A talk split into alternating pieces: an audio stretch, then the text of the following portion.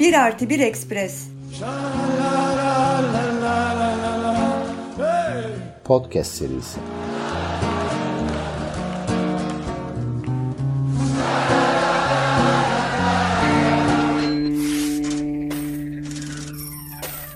Ekonomi politik.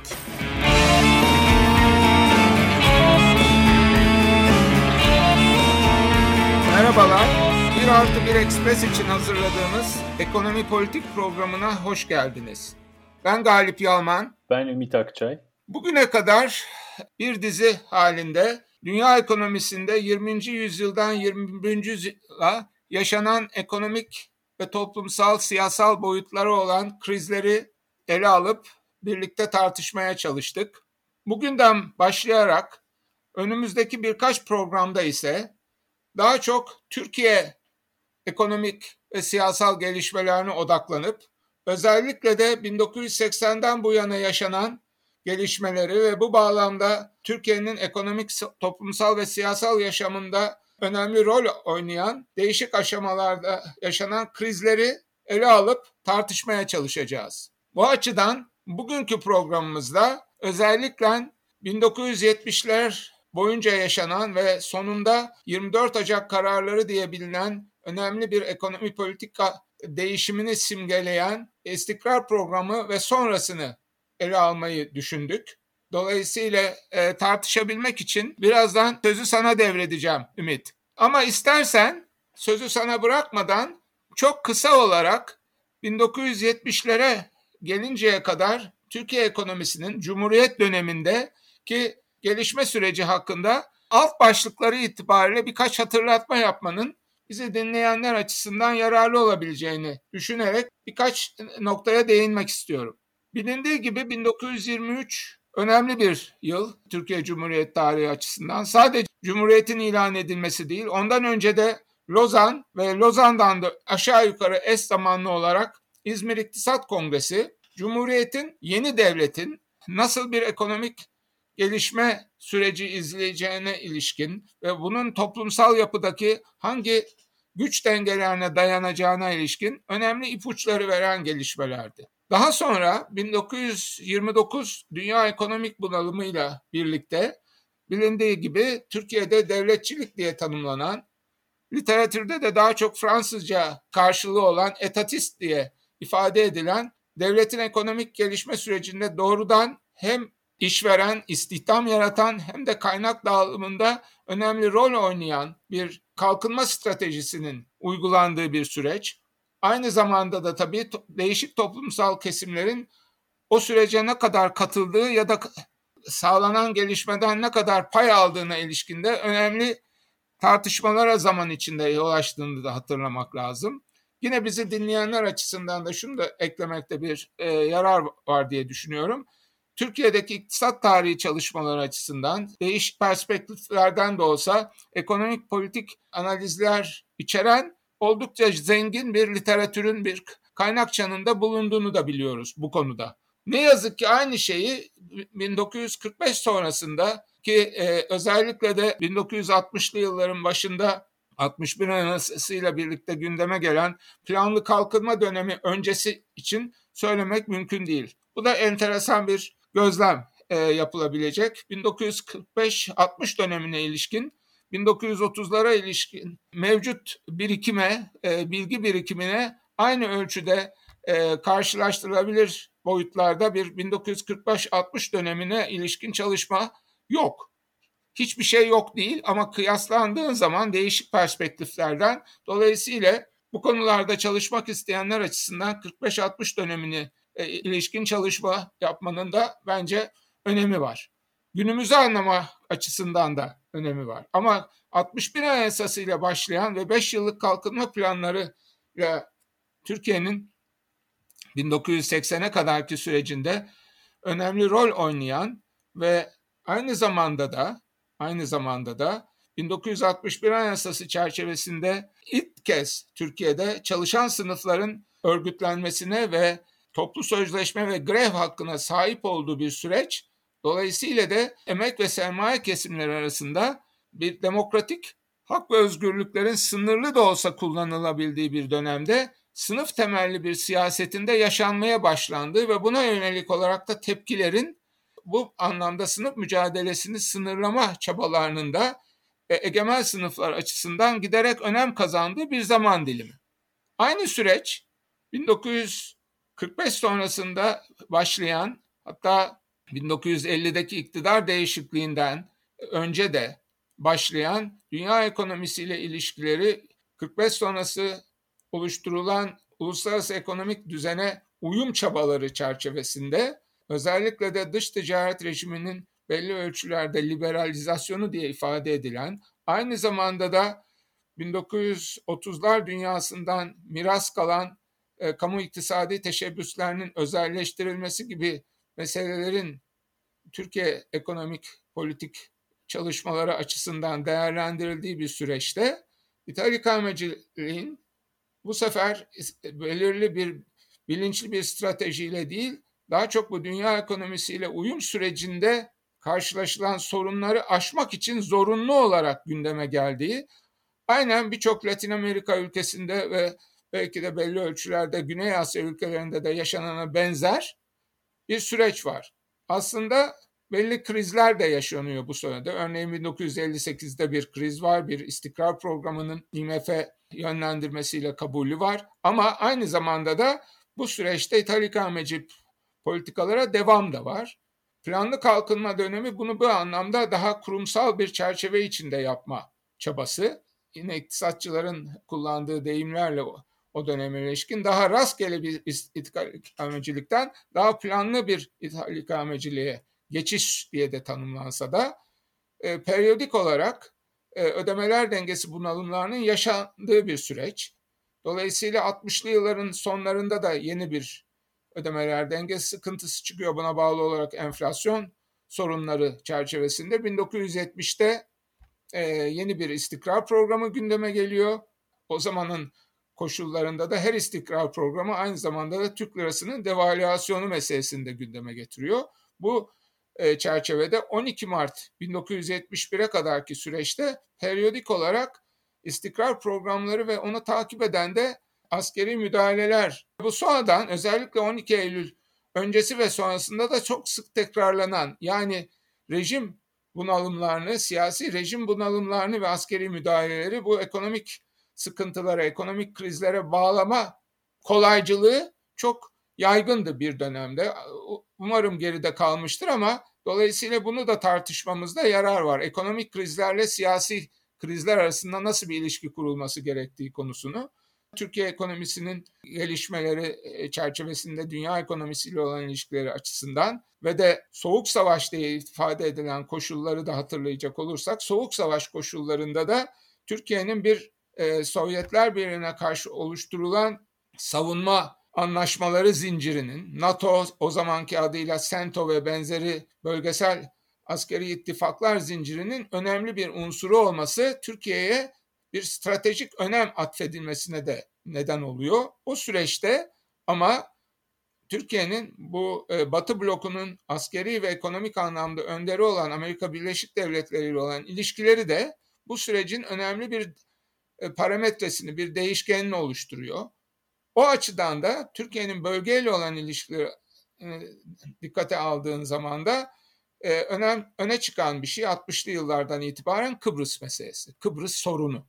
Dolayısıyla 1964'te Amerika e, Türkiye'nin e, Kıbrıs Türklerine karşı Kıbrıs Rum yönetiminin değişen tavrı, güç kullanımı ve dolayısıyla 1960'taki kurucu Kıbrıs Anayasası'nı ihlal etmesi vesaireye karşı Türkiye'nin tavır almasına karşı bunu hatırlatmak e, yarar görüyorum. Johnson mektubu diye bilinen Türkiye'nin NATO tarafından sağlanan ya da Amerikan yönetimi tarafından sağlanan askeri imkanlarını, silahlarını Amerika'nın rızası olmadan kullanamaması diye bir meselenin gündeme gelmesi. Daha sonra aradan 10 yıl geçtikten sonra bu sefer Yunanistan'daki askeri diktanın Kıbrıs'a bir müdahale etmesi çerçevesinde bir darbe teşebbüsüne Bülent Ecevit e, başkanlığındaki koalisyonun bu sefer garantör devlet e, konumunu kullanarak müdahale etmesiyle birlikte Kıbrıs meselesinden yola çıkarak bugün Kıbrıs'taki iki toplumlu yapının oluşmasının temellerinin atıldığı bir süreç 1974 yılı. Bunu niye söylüyorum? Çünkü o çerçevede de Türkiye'nin Amerika ile olan ilişkilerinin bu sefer Amerika'nın Türkiye'ye bir ambargo uygulamasının sonucunda 1970'lerin ikinci yarısında yaşanacak olan ekonomik krizi etkileyen bir ek unsur olarak Türkiye'nin hem dünya ekonomisiyle ilişkilerini hem de Amerika Birleşik Devletleri ile olan ilişkilerini hem de aynı zaman dilimi içinde o günkü koşullarda önemli bir unsur da oydu. Avrupa Birliği diyoruz bugün ama o zamanki adıyla Avrupa Ekonomik Topluluğu'nun olan ilişkilerinin de gelişimini durduran ya da buzdolabına girmesine neden olan da bir zaman dilimi. Dolayısıyla 1970'ler dünya ekonomisinin zaten krizde olduğu koşullarda Türkiye'nin sadece ekonomik ödemeler dengesi sorunlarından değil, aynı zamanda da Batı kapitalist blokunun önemli unsurlarıyla olan ilişkilerinin de belli ölçülerde krizde olduğu bir zaman dilimi. Bir yüzyıllık dönemi kısa sürede ele almak mümkün değil ama e, ana hatlara değinmiş oldunuz. Ben de sizin bıraktığınız yerden bir noktaya işaret ederek 78 ya da 77-80 dönemine geleyim. Çünkü 60'lı yıllarda kurulan, daha kurumsallaşan ya da ithal ikameci ya da işte e, kalkınma planlaması modelinin krizinden bahsediyoruz bir yanıyla da 1978-77-80 arasında. E, dolayısıyla ithal ikameciliğin krizinden konuşurken ithal, ithal ikameciliğin oluşumunda var olan kritik bir e, karardan ya da kritik bir dönüşümden bahsederek başlamak istedim. O da şu, şimdi bildiğiniz gibi 27 Mayıs 1960 müdahalesi sonrasında Türkiye'deki mevcut siyasi ve ekonomik düzenin yeni bir anayasayla yeniden düzenlenmesi söz konusuydu ve bazı denge mekanizmaları, yüksek planlama kurulu gibi, milli güvenlik kurulu gibi siyasetçilerle teknik uzmanların, bürokratların, e, teknokratların denk düzeyde neredeyse karar alabileceği hatta Yüksek Planlama Kurulu'nun ilk e, formatında dört bakan dört plancı e, şeklindedir. Bir yapı ortaya çıkarıldı. Ancak bu bir nasıl diyelim teknokratik tahayyül olduğu ölçüde çok iktisadi alanda özellikle çok hayata geçemedi. Şunu söyleyerek geçeyim bu tartışmayı e, sonrası için de önemli olduğu için. 1900 61 ile 63 arasında yani 63'teki ilk planın ortaya çıkmasından önceki dönemde, 2 yıllık hazırlık döneminde iki tane kritik şey yaşandı. Bir tanesi e, plancıların geliştirdiği vergi reformunun, e, ikincisi de kit reformunun Yüksek Planlama Kurulu toplantılarında dönemin siyasetçileri tarafından özellikle Ekrem Alican, Demokrat Parti'nin 27 Mayıs sonrasına kalanları tarafından reddedilmesi. O da, onun da anlamı şu aslında plancılar şunu öngörüyor. Kitler, kamu iktisadi teşekkülleri Türkiye ekonomisinin neredeyse yarısını oluşturuyor bu dönemde.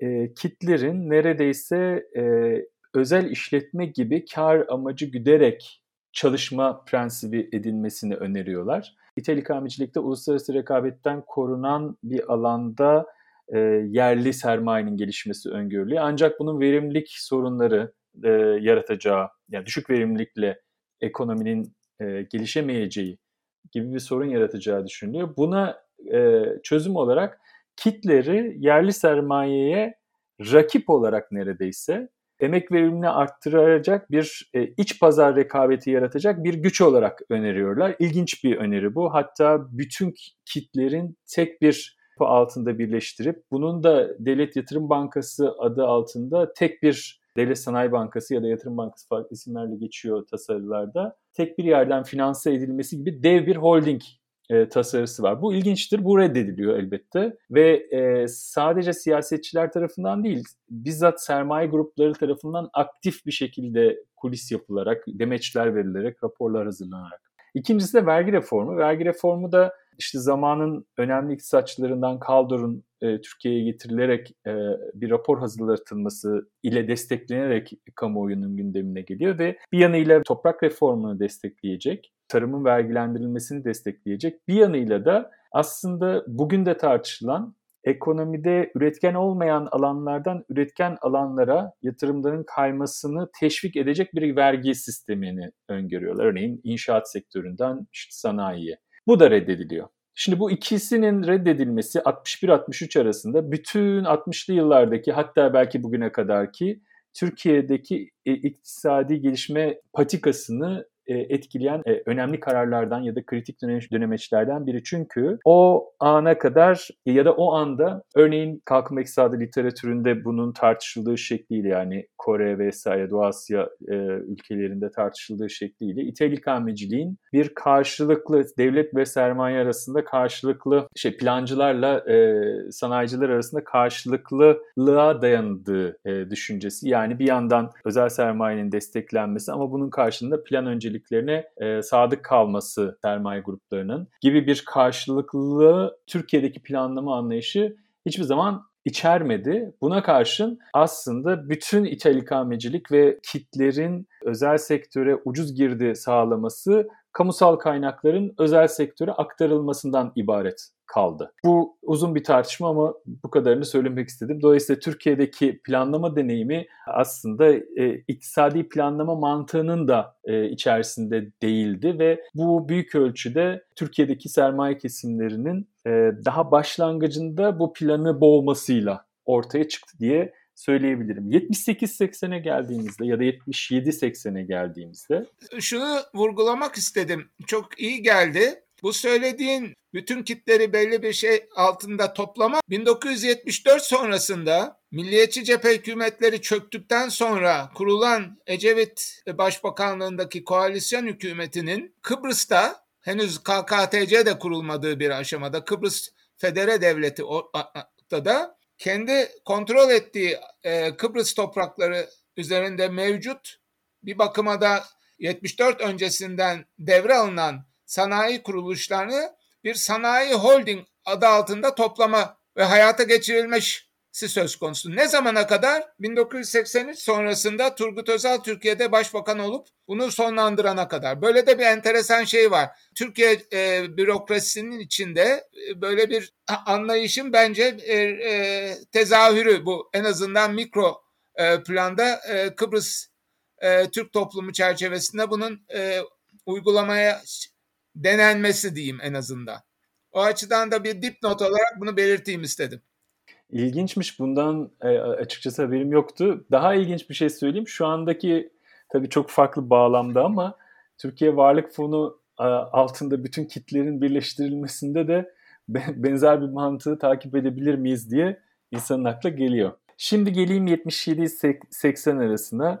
Aslında bu e, bir hani ilk programda konuştuğumuz bu kriz tasnifleri ya da farklı kriz tanımlarından hareket edeceksek e, ya da oraya dönüp e, oradaki kavramları kullanırsak eğer bir yapısal kriz konjonktürü olarak tanımlayabiliriz e, diye düşünüyorum. Çünkü aslında bir birikim modelinin yani işte e, az önce sözünü ettiğiniz 1945 sonrası işte fiilen 60 sonrası kurumsal resmi olarak hayata geçen bir e, birikim modelinin e, tıkanması ve bu tıkanıklıkların yeni bir e, e, birikim stratejisiyle aşılması ya da işte aşılmaya çalışılmasıyla geçmiş. Dolayısıyla yapısal kriz konjonktürü. Yapısal kriz konjonktürlerinin en önemli özelliği sadece birikim modelinde yaşanan e, sorunları değil, aynı zamanda devlet biçiminde ya da rejimde de e, yaşanan, siyasi alanda da yaşanan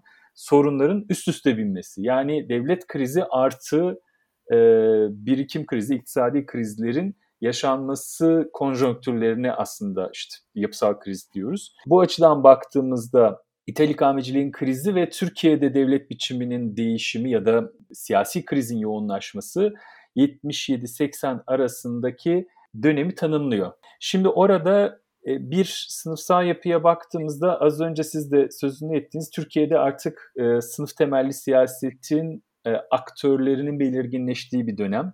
İşte 71'de e, TÜSİAD'ın kurulmasıyla, daha öncesinde DİSK'in kurulmasıyla, DİSK'in biraz daha sınıf sendikacılığını öne çıkararak, e, özel sektörde örgütlenerek, Türkiye'de ithal ikamecilik döneminde oluşan e, yeni sermaye e, kuruluşlarının içerisinde aktif olarak örgütlenmesi. Bir yanıyla da TÜSİAD'ın buna karşı olarak kendi sınıf çıkarını e, korumak için işte Burjuvazi'nin genel aklını oluşturma girişimleri bütün 60'lı 70'leri özellikle 70'li yılları karakterize etti. Siyasete baktığımızda yani Cumhuriyet Halk Partisi'nin artık ortanın soluna kendi tanımlarıyla ortanın soluna geçtiği işte 27 Mayıs sonrasında Adalet Partisi'ne Demokrat Parti çizgisinin geldiği onun sağında da işte MHP ve e, MSP'nin kurulduğu daha sonra işte e, hatta bugün iktidarda olan AKP'nin ve erken partilerinden olan siyasal İslamcıların tarih sahnesine çıktığı siyasi hareket olarak dönemler. Ortanın solunun solunda da elbette daha devrimci solun e, yer aldığı bir dönem. Dolayısıyla canlı bir e, siyasi atmosfer, siyasi ve ekonomik tartışmaların daha sınıfsal tabirlerle, e, çıkarlarla e, gerçekleştirildiği, yapıldığı, dönemin zaten işte, e, yazılı eserlerine ya da tartışmalarına baktığımız zaman da bunu kolaylıkla görebiliyoruz. Bir yoğunlaşma ve sınıf mücadelesinin de dolayısıyla bir yoğunlaşması. Devletin de sizin sözünü ettiğiniz gibi aslında bir soğuk savaş mantığı içerisinde örgütlendiği ve neredeyse hani sola kapalı bir, sol siyasete kapalı bir e, yapıyı yeniden ve yeniden ürettiği hatta yeri geldiğinde 77'den sonra bu bir çeşit e, iç savaş ortamına da giren, kontrgerilla faaliyetlerine de giren 1 Mayıs Taksim e, saldırısından, provokasyondan sonra işlerin biraz daha çığırından çıktığı bir dönem.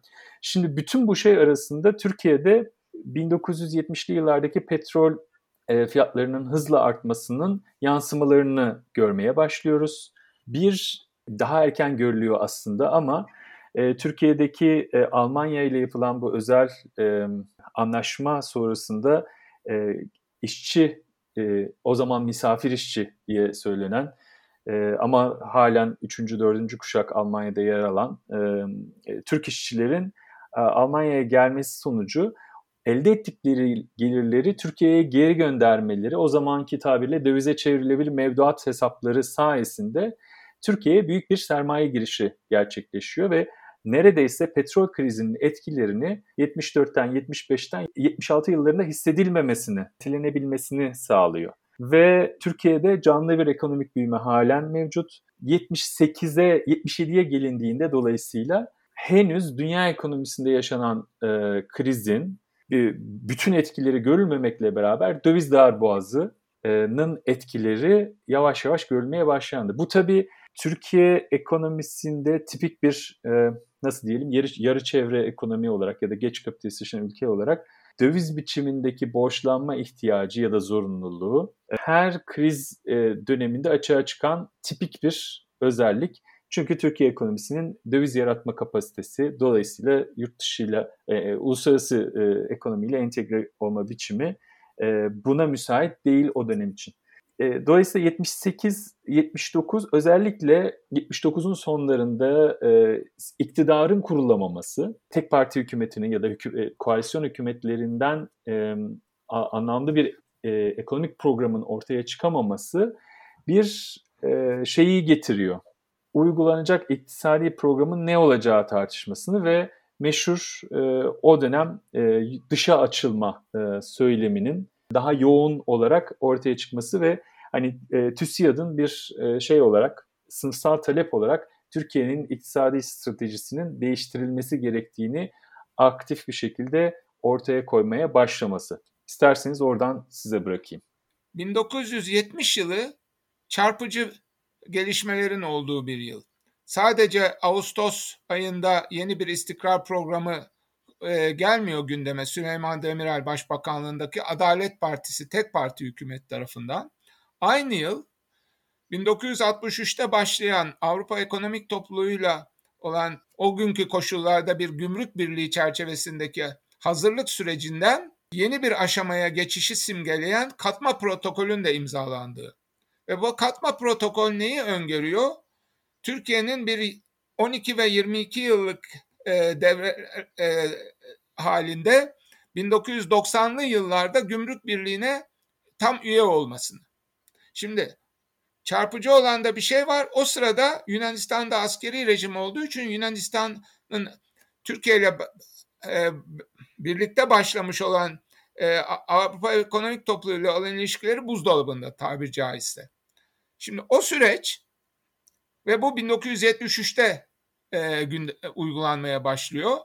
12 Mart biterken. Dolayısıyla da 1973'ten itibaren Türkiye'de değişik toplumsal kesimlerin bu katma programının Türkiye'nin kalkınma sürecine ve o günlerin koşullarında da kalkınma büyük ölçüde sanayileşme özdeşleştirilmiş olduğu için de sanayileşme sürecine nasıl bir etki yapacağı. Solun terminolojisi o günlerde onlar ortak bir pazar diye ifade edilen bir şey. Yani Türkiye'nin az gelişmişliğinin e, devam ettirilmesi anlamına geliyor. Gelişmiş sanayileşmiş ülkeler düzeyine gelmesinin engelleneceği. Çarpıcı olan şeylerden bir tanesi de senin de dediğin gibi TÜSİAD kurulmuş vesaire ama sanayi odaları önemli bir unsur. İstanbul başta olmak üzere ama Eskişehir, İzmir ve benzeri Ege e, sanayi odalarının da birlikte bu sanayileşmenin önemli bir kendilerince mesele olması açısından bu katma protokolün yeniden müzakere edilmesi diye bir talepleri var. Ve o sözünü ettiğin işçi dövizleri sayesinde bir miktar ötelenen, ertelenen ödemeler dengesi e, bunalımı tam ağırlığıyla Türkiye ekonomisinin üstüne çökmeden de bu, bu konuda da girişimler var. Özellikle de Eskişehir Sanayi Odası Başkan e, bunda öncü bir konumda. Şimdi bu, bu zaman dilimi aynı zamanda da Milliyetçi cephe hükümetleri ve milliyetçi cephe hükümetleri döneminin önemli bir şeyi de sınıf mücadelesinin o tabirle söyleniyor keskinleşmesi. Dolayısıyla da Türkiye Burjuvası sürekli olarak bir sosyal barıştan söz ediyor. Yani iki cephede birden huzursuzlar. Hem dış ekonomik ilişkiler açısından hem de işçi sınıfının özellikle diskin e, gayet örgütlü mücadelesini yükseltmesi nedeniyle. Ve bu çerçevede de bir şey daha yapıyorlar. TİSK var, TÜSİAD var, odalar var ama gayri resmi olarak e, bir yeni oluşum içine giriyorlar. Kurumsal bir şey yok statü anlamda. Bir tüzel kişiliği olmayan Hür Teşebbüs Konseyi diye bir şey kuruyorlar. Artık sınıf mücadelesinin doğrudan aktörü olarak sahneye çıkıyor.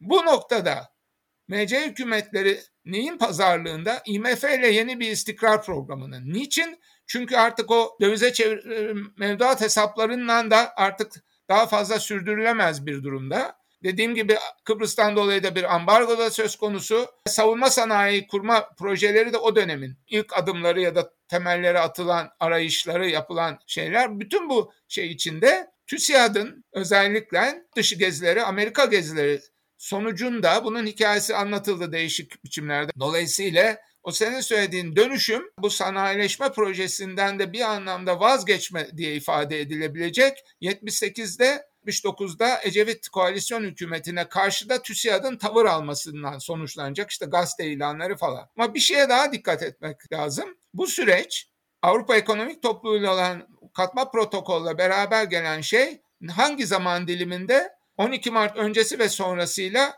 3. planın hazırlık dönemi. 3. planın plan stratejisinin değişmesi de söz konusu. Bu 12 ve 22 yıllık dönemleri göz önüne alarak. 1976 yılı aslında 3. planın son yılı. Ne kadar uygulandığı ayrı bir tartışma ama 3. planın son yılında ne olması lazım? MC hükümetleri tarafından 4. planın gündeme getirilmesi lazım. Öyle bir şey yok. 77 yılı plansız geçiyor. Dolayısıyla Ecevit hükümeti zamanında dördüncü e, beş yıllık kalkınma planı gündeme gelecek ve dördüncü beş yıllık kalkınma planının çok kaba özetine o günlerin koşullarında Latin Amerika'da ve değişik e, sanayileşme süreci içinde daha geriden gelen ülkelerin bir kısmının gündeminde olan şey tüketim mallarından ara malı ve yatırım mallarına geçiş anlamında sanayileşme sisteminin yapısının derinleşmesi. Bu hedef gözetiliyor. Dördüncü plan bunun hedefi. Fakat dördüncü plan büyük ölçüde öyle söylenebilir. Ne yazık ki hayata geçirilemiyor. Ve özellikle de 24 Ocak öncesinden daha zaten bunun Türkiye'nin büyük burjuvazisi tarafından benimsenmediğinin doğrudan doğruya Ecevit hükümeti ile olan çatışması. Son nokta şurada e, hakkını da yememek lazım. Neyi sağlıyor Ecevit hükümeti? borç ertelemesini sağlıyor. Fakat taze para diye o günlerde ifade edilen yeni kredilerin e, musluğunun açılmasını başaramıyor. 24 Ocak süreci aslında bu anlamda borç ertelemesi başarısının üstüne yeni kredi imkanlarını sağlamak için bir girişim de aynı zamanda. Dolayısıyla tarihsel arka plan olarak bakarsan böyle bir şey var. Aynı zamanda daha sonra da tekrar yaşayacağımız bir başka şeyin de ilk örnekleri var o dönemde 24 Ocak öncesinden başlayarak parlamenter sistemin Türkiye'nin e, parlamenter rejim çerçevesinde Türkiye kapitalizminin yönetilemeyeceğine ilişkin bol miktar yazılıp çiziliyor. Bir tür başkanlık rejimi ne diyeyim hülyası değişik kalemler tarafından isim vermeyeyim dile getiriliyor. Yani 12 Eylül öncesinden başlayarak zaten bu ekonomik değişim, ekonomik yön değişimi, piyasa ekonomisinin erdemlerinin yeniden keşfedilmesi süreci aynı zamanda da parlamenter rejimin Türkiye'nin koşullarına için uygun olmadığı. Bunu sadece askerler söylemiyor. Bunu doğrudan doğruya değişik e, sıfatları olan gazeteciler, siyaset adamları, hukukçular ve belli kurumların bu tür e, bir propaganda e, savaşına girdiğini de gözlemek mümkün 12 Eylül öncesinde. Parlamenter rejimden yönetilemeyen bir Türkiye ve parlamenter rejimin dolayısıyla da bize uygun olmadığı. Bu çok çarpıcı bir tarihsel not olarak dinleyicilerimizin de e, eğer ilgilenenlerse gidip araştırmaları için söylemiş olayım. Aslında bu çatallanma yani birikim modelindeki tıkanma ve orada iki alternatifin ortaya çıkması. Biri sanayide derinleşme, e, ikincisi de dışa açılma. Burada ilginç olan e, hani e, dipnotta şu verilebilir belki. Dördüncü planın finansmanı için gerekli olan dış finansman miktarı 24 Ocak kararları sonrasında IMF ile yapılan e, anlaşmadan çok daha az. Çok daha az bir dış destek sağlansa e, aslında bu işte petrol ithalatı ya da enerji ithalatı sorunu çözülebilecek ve belki de Türkiye'nin 80'li yıllardaki patikası çok farklı olabilecek. Sadece iktisadi açıdan bakarsak. Ama e, dış finansörlerin de bunu bir bilinçli bir tercih olarak 78 planını finanse etmeyip Turgut Özal planını, dışa açılma planını finanse ettikleri de ve IMF'nin yeşil ışık diye o zamanın tabiriyle e, yeşil ışığını e, Özal'ın planına yakması da aslında bu dönüşümün sadece Türkiye kaynaklı, Türkiye'de başlayıp biten bir süreç olmadığı, geçtiğimiz programlarda tartıştığımız bu küresel anlamda neoliberal ekonomik politikaların işte Thatcher'la, Reagan'la henüz başlamakta olduğu bir dönemde Türkiye'nin de belki erken örneklerden biri olarak bu sürece başladığını da söyleyebiliriz belki. Şunu da ekleyeyim çok da yerinde bir saptama yaptın. 1970'li yılların benzer karşılaştırılabilir örnekleri Güney Kore'den Brezilya'ya ki her ikisi de askeri yönetim altında o sırada. Uzun süreli askeri yönetim altındalar. Çarpıcı özellikleri ne? Senin söylediğin dışa açılma yani ihracata yönelik sanayileşme ile sanayileşmede derinleşmeyi birlikte gündeme getiren ya da o konuda e, belli programlar, planlar e, uygulamaya çalışan ülkeler. Hangi koşullarda? Özellikle de 1973 sonrasının petrol bunalımı diye ifade edilen koşullarında her iki ülkenin de petrol ithalatçısı olduğunu da unutmadan. Dolayısıyla yani Türkiye'nin o 24 Ocak'la söz konusu olan yol ayrımı tabiri zorunluluğuydu meselesini de yeniden düşünmemize de el veren bir şey. Sadece söylediğin dördüncü planın finansman kaynaklarının bir de böyle bir boyutu var. Ama daha sonra neoliberal diye tanımlayacağımız şeyin e, tohumları 270'li yıllarda atılmaya başlandığı ölçüde de Brezilya ve Güney Kore örnekleri bu açıdan da eleştiriliyor. Yani bu sanayi yapısının derinleşmesinin Dünya Bankası ve benzeri e, ve de IMF e, uzmanları tarafından ciddi bir eleştiriye tabi olduğu da e, unutulmaması gereken bir şey. Dolayısıyla e, sanayide derinleşme ile dışa açılmanı birbirine alternatifler olarak sunulması, birlikte gerçekleştirilmesi mümkün olmayan stratejiler olarak e, eleştirilmesi söz konusu. Yani ya o ya o gibi bir şey var. Bizde de dördüncü planın dolayısıyla e, rafa kaldırılıp 24 Ocak'la yeni bir döneme girilip ve bunu da ithal ikamecilikten vazgeçme diye sunulması da bize özgü boyutu işin. İlginçtir. Aslında 1970'lerin başında bu özellikle Avrupa Birliği az önce söylediğiniz e, bağlamda bu dışa açılmanın erken yani döviz kazandırıcı faaliyetlerin daha da artması, ihracatın payının daha da artması tartışmaları bir düzeyde yapılıyor ama e, buna sermaye grupları özellikle karşı çıkıyor. Az önce sizin işaret ettiğiniz gibi şey e, yeteri kadar gelişmediği Türkiye sanayisinin argümanıyla. Neyse bunlar e, epey detaylar var. Farklı programlarda, farklı bağlamlarda değerlendirebiliriz. Epey de vakit oldu. İsterseniz 80'e geçelim bir, bir darbeyi. Ee, sonrasındaki dönemede kısaca en azından genel fırça darbeleriyle söz etmiş olalım. Geçtiğimiz yıllarda sizinle yaptığımız tartışmalarda belki farklı düşündüğümüz yerlerden biri bu e, birazdan konuşacaklarım olacak. O yüzden e, o, o konudaki görüşlerinizi de merak ediyorum. 1980 yılı az önce bütün konuştuğumuz e, sürecin en önemli kırılma anlarından biri ve e, aslında işte e, 24 Ocak kararıyla ilan edilen e, ekonomik programın hayata geçebilmesi için 12 Eylül'ün e, gerçekleşmesi yani bir askeri müdahalenin gerçekleşmesi e, gerekli oldu. Şimdiden geriye baktığımız geriye baktığımızda 3 yıllık süren bir e, askeri diktatörlük dönemi var ve bu dönem e, esas olarak siyasi olarak solun ve e, toplumsal olarak emek hareketinin ezilmesini amaçlayan bir e, dönemdi ve aslında Türkiye'de liberalizm ya da daha sonradan neoliberalizm ya da dışa açılma döneminin bir çeşit diktatörlük yoluyla, e, asker postalıyla hayata geçmesi gibi bir e, şeyle karşı karşıyayız. Dönemin tabii TÜSİAD'ı, büyük sermayesi vesaire darbeyi e, destekledi. Darbenin iktisadi programı bu az önce konuştuğumuz TÜSİAD'ın ön ayak olmasıyla şekillenen e, ekonomi programı idi. Ve e, kabaca 1990'lara kadar e, belki 87'deki yasakların kalkması sonrasına kadar ANAP hükümetleri e, ile devam etti e, süreç. E, 90'larda bir kesinti var bence. Ekonomik krizlerin aldığı farklı biçimleri olabiliyor. Ödemeler dengesi krizi olabiliyor, banka krizi olabiliyor. Daha sonra göreceğiz 2000'li yılların başındaki 2001 krizinde olduğu gibi ikiz krizler olabiliyor. Yani birlikte yaşanabiliyor bir finansman sisteminin kriziyle ödemeler dengesi krizi vesaire. Dolayısıyla ekonomik krizler başlığı altında da farklı bileşimler, oluşumlar söz konusu ama 70'lerin ikinci yarısında krizin şu ana kadar söylediğimizden de dinleyenler çıkarsamıştır. Ee, bir ekonomik krizin giderek zaman içinde bir siyasi krizle eş zamanlı olarak yaşanmaya başlanması. Ve bu açıdan da bakarsan bir sistem krizi yani belli bir ülke çerçevesinde konuşursak bir devlet krizi olarak yaşanması. Bu zaten parlamenter sistem bizim için uygun değil tartışmaları da bunun dışa vurumlu zaten. Ama daha bütünsel olarak bakarsan hani o terminolojiyle e, ifade etmenin daha anlamlı olduğunu düşünüyorum ben. Antonio Gramsci'nin kullandığı deyimlerle bir hegemonya krizi. Yani o toplumsal bütünlüğün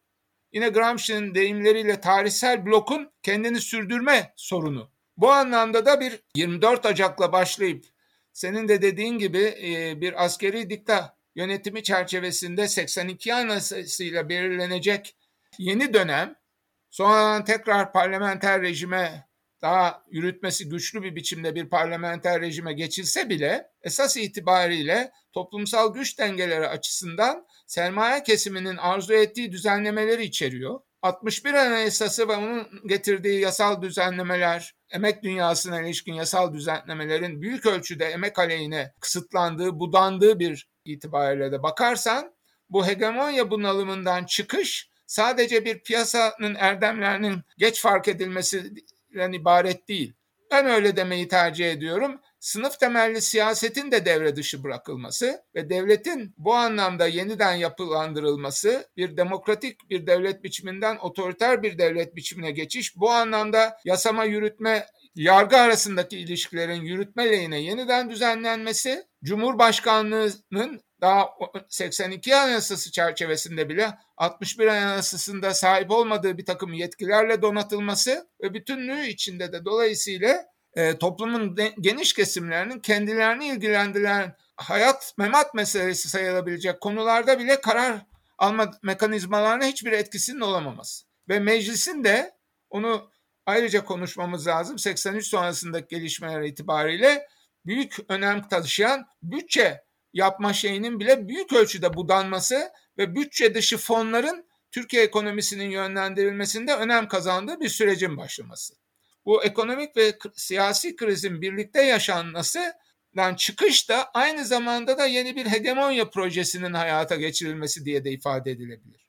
Burjuvazi açısından da bakarsan belki de o güne kadar hiç sahip olmadığı bir hegemonik yönetimin anlayışının egemen olması. Daha sonra neoliberalizm diye genelleştirilen şeyin temelleri, unsurları da o 82 Anayasası ve ona bağlı olarak getirilen yasal düzenlemeler. Yani 12 Eylül mirası yasal düzenlemeler günümüze kadar da devam etti birçok alanda. Özellikle de emek dünyasını ilgilendiren boyutları itibariyle toplu sözleşme, sendikalar yasası vesaire.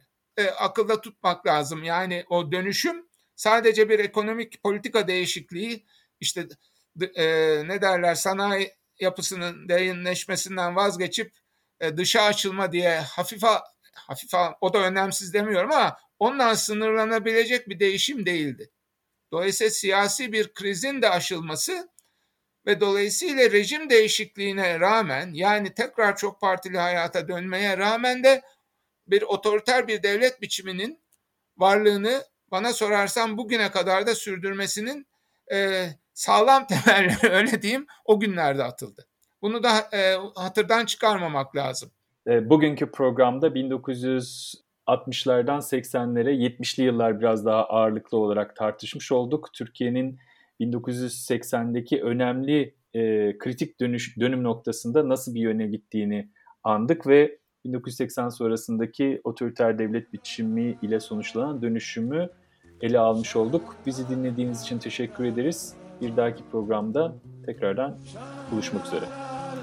Görüşmek üzere. Hoşçakalın.